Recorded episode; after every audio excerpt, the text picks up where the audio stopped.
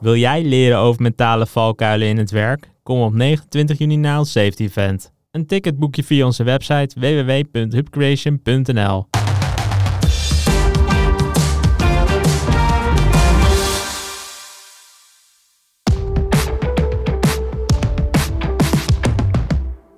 Ik zie continu management uitspreken dat ze verwachten van medewerkers dat ze met ellende dealen. Dat is de kracht van de mens. Een procedure doet geen werk voor je, een machine doet niks, een computer doet niks voor je. Als er andere dingen gebeuren dan je had verwacht, zijn het altijd de mensen die de gaten dichtlopen. Je luistert naar Verhalen in Veiligheid.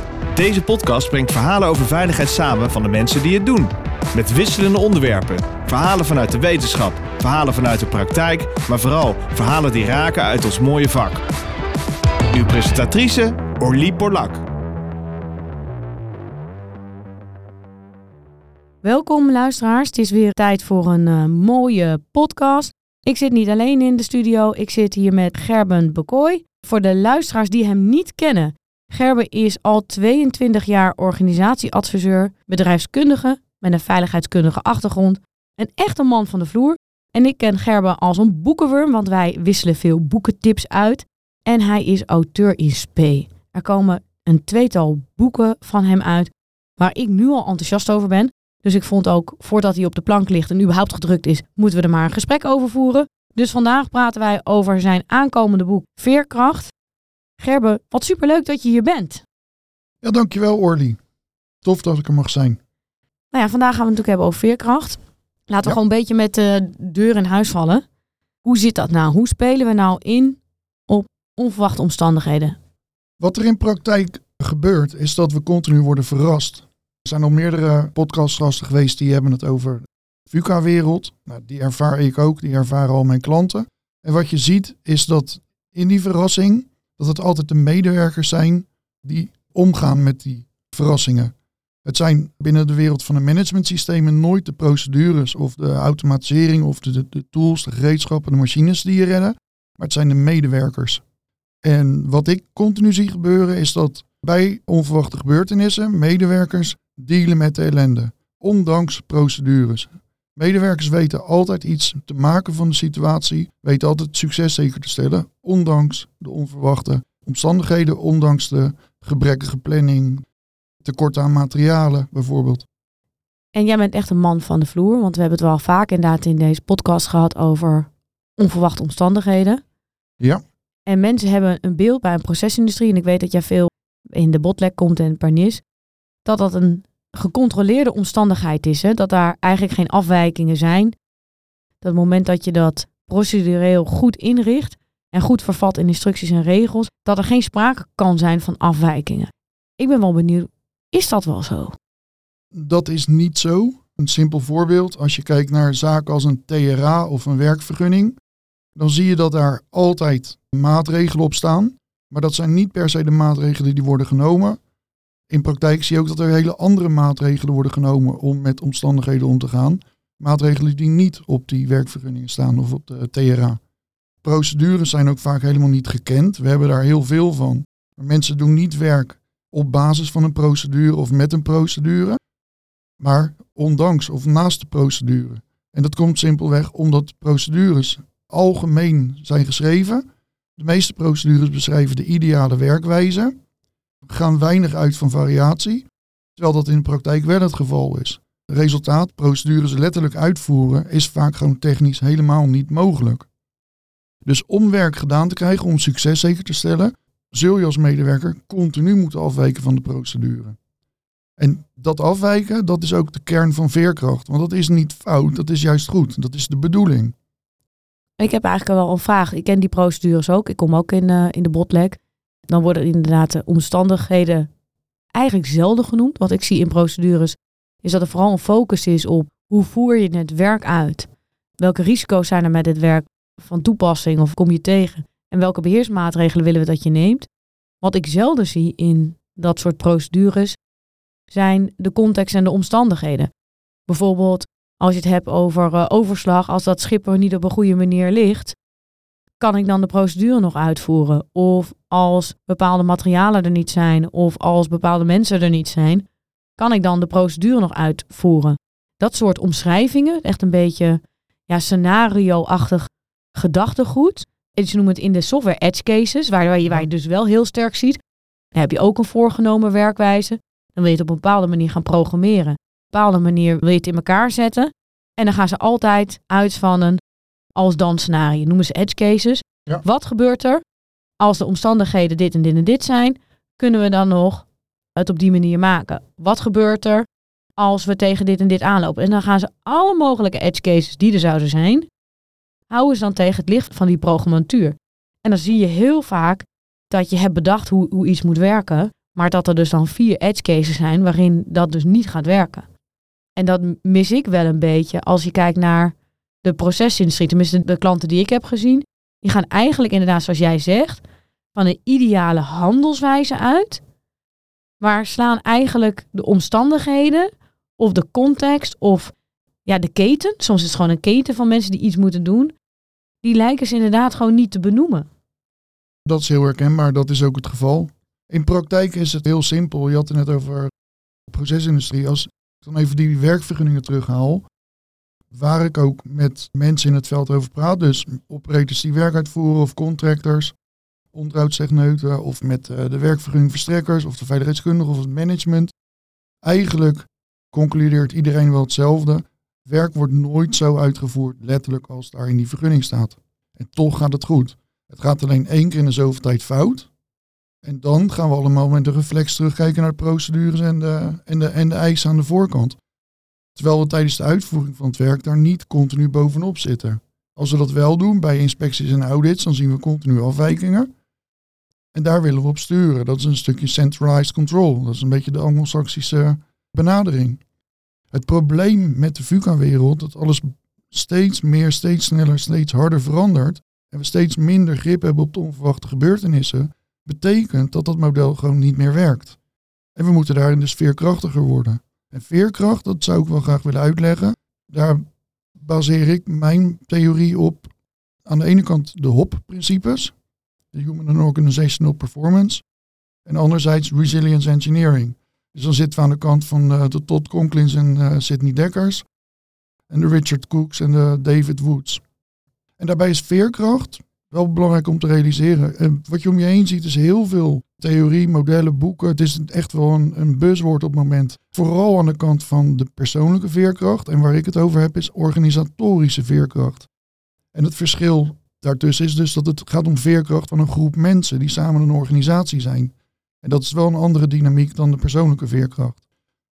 Wat ik veel merk is dat mensen bij veerkracht denken aan noodplannen, business continuity plans. Maar dat is niet hetgeen wat ik met veerkracht bedoel. Dat is eigenlijk de last line of defense. En veerkracht vindt feitelijk plaats ver voordat je een noodplan nodig hebt.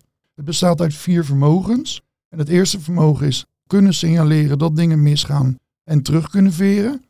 Je hebt vervolgens het vermogen om tijd te kunnen winnen als het mis aan het gaan is. Het volgende vermogen is aan kunnen passen aan de nieuwe omstandigheden. En het laatste vermogen is het verankeren van wat je nou leert uit al die dynamiek. Ik zal dat toelichten. Signaleren en terugveren. Het meest makkelijke voorbeeld wat iedereen wel snapt is als je op de snelweg rijdt en je, je bent een beetje moe, je begint een beetje te zwalken. Dan raak je soms van die groeven in de weg. En dan schrik je wakker en dan net voordat je de vangrail raakt, kan je je herstellen en terug naar het midden van de weg. Dat is terugveren. En de groeven helpen je om dat te signaleren.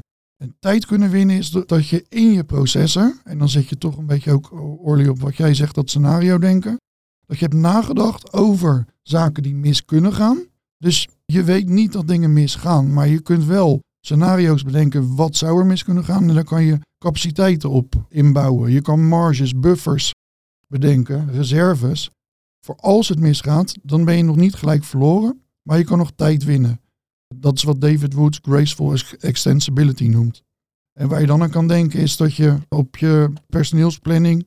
Ik had het gisteren zat ik in een restaurant een leuk gesprek met een uh, serveerster. Die was geïnteresseerd in hoe dat werkt. En haar vraag was, ja, hoe moet je dat dan zien bij, bij ons in een restaurant? Ik zei, nou stel dat jij ziek was geweest, wat was er dan gedaan? En dan hadden we iemand gebeld van de reservelijst. Dat is een voorbeeld van, we hebben vermogen om tijd te kunnen winnen. We hebben erover nagedacht, als er iemand ziek is, dan kunnen we iemand anders oproepen. En de volgende is het aan kunnen passen. Dat is denk ik de meest interessante. We worden dus continu verrast We, zien als medewerkers steeds dat het letterlijk uitvoeren van procedures en plannen niet werkt. Maar dat we moeten schipperen tussen het doel wat we hebben met het werk. Het werk moet af. We worden geduwd door, door tijdsdruk. We hebben overal schaarste in. We hebben druk van management, van concurrenten. We moeten leveren. We moeten resultaten laten zien. En medewerkers zijn dus in praktijk continu bezig met het schakelen tussen werk letterlijk uitvoeren zoals bedacht, work as imagined, en het zorgen dat het gedaan is. En medewerkers weten altijd een manier te vinden om werk af te krijgen, ondanks alle tegenslagen. Dat is een kenmerk van de mens, dat is pure biologie. Daar zit hem dus ook de crux waar de pijn van procedures zit. Het kan gewoon vaak niet volgens de letterlijke procedures. En in principe is het ook letterlijk wat we van elkaar verwachten in organisaties. Ik zie het continu. Ik zie continu management uitspreken dat ze verwachten van medewerkers dat ze met ellende dealen. Dat is de kracht van de mens. Een procedure doet geen werk voor je, een machine doet niks, een computer doet niks voor je. Als er andere dingen gebeuren dan je had verwacht, zijn het altijd de mensen die de gaten dichtlopen. En daar zijn we hartstikke blij mee altijd met elkaar. En dat is dus ook exact hetgeen wat we moeten omarmen. Dus de crux van het veerkrachtproces is dat je omarmt dat het altijd fout kan gaan. Dat je accepteert dat het fout kan gaan. En dat je onderkent dat het je medewerkers zijn die ervoor zorgen dat het toch goed gaat als het fout gaat.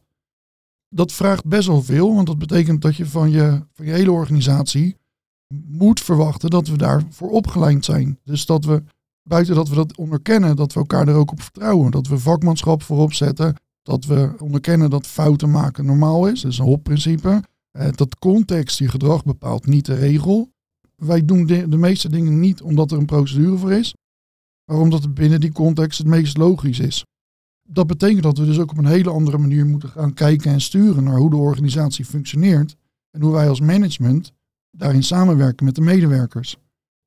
Als je mij moet typeren, ben ik een safety one girl en een safety two girl. Ja? En ik zie wat jij ziet, maar ik zie ook dat er een andere manier van uh, procedure formulering een antwoord kan zijn op dat veerkracht. Ik denk dat mensen die helemaal vrij worden gelaten, zie je het even aan een zandbak zonder rand, ja. heel erg gestrest raken, geen toetsingssteen hebben van wanneer doen we het nou goed, wat is zijn nou mijn referentiekader, wat zijn nou de kwaliteitsnormen, wat zijn nou de eisen die ik moet stellen op het moment dat ik aan het werk ga, om te kijken, om sturing te geven in mijn eigen handelen. Wat je ziet in de procedures waar we net allebei uit de procesindustrie die kennen, is ze zijn niet heel erg principle-based.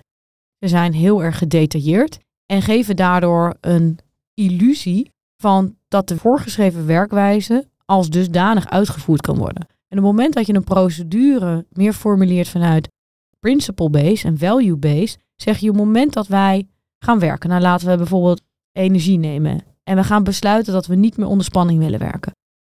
Dat is een waarde. Waarom hebben we die waarde? Omdat er te vaak iets mis is gegaan, te vaak mensen hun leven hebben gelaten, verbrand zijn geraakt, gewond zijn geraakt. En we willen dat niet meer. We snappen dat als bedrijf. Dat betekent consequentie betekent ook dat iemand een keertje niet even kan douchen of niet even kantoor de lampjes aan kan zetten. Dat betekent gewoon letterlijk, we zeggen een keertje nee. Dat gaat misschien wel veel meer doen op je voorgeschreven procedures die heel gedetailleerd zijn. Als iemand begrijpt dat dit het principe is, dus een van de balken noem ik dat dan van de zandbak, dat is onze toetssteen.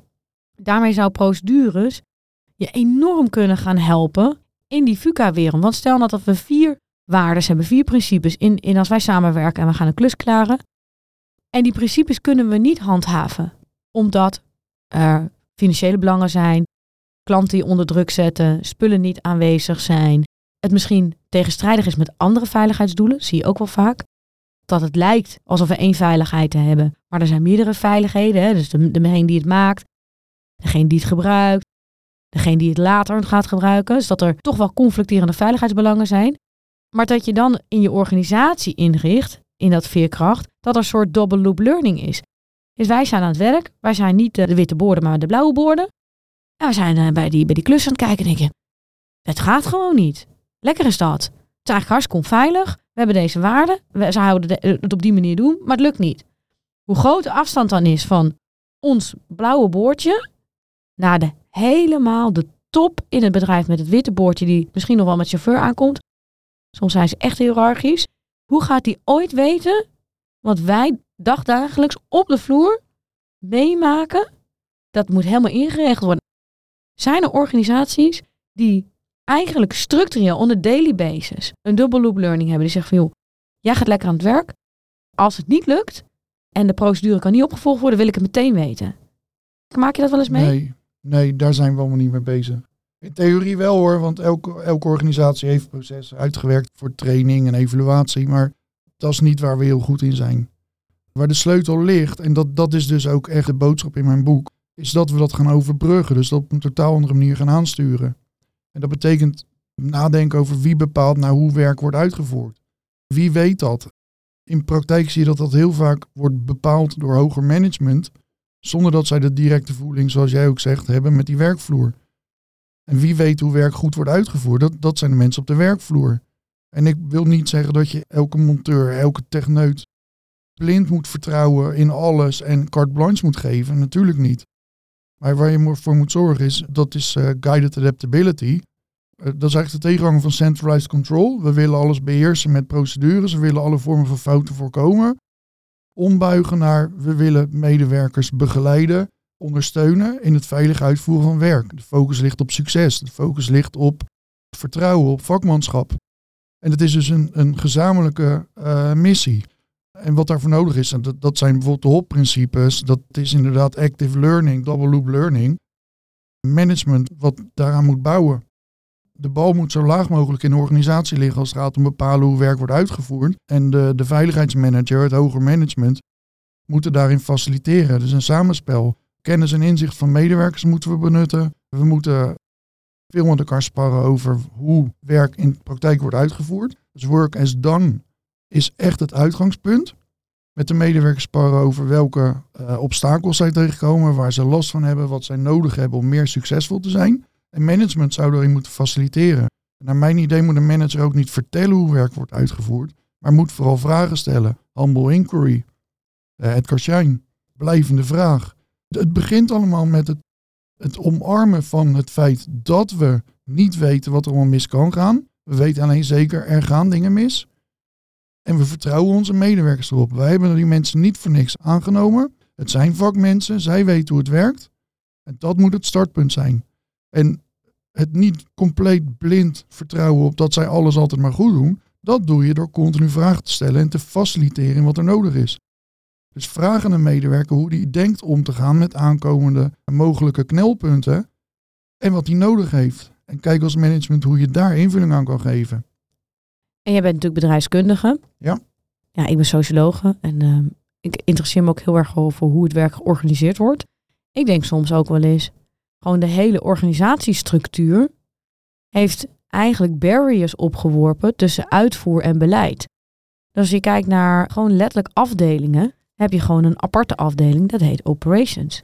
En je hebt een aparte afdeling, dat heet beleid. En op het moment dat je samen in een team zit, en je hebt samen een kolom van werkzaamheden voor jou als verantwoordelijkheid, is het veel makkelijker om die kennis uit te wisselen. Want nu, wat je nu ziet, ik werk voor een grote overheidsorgaan, is dat er letterlijk een afdeling is, die is voor het veiligheidsbeleid, die maken de procedures.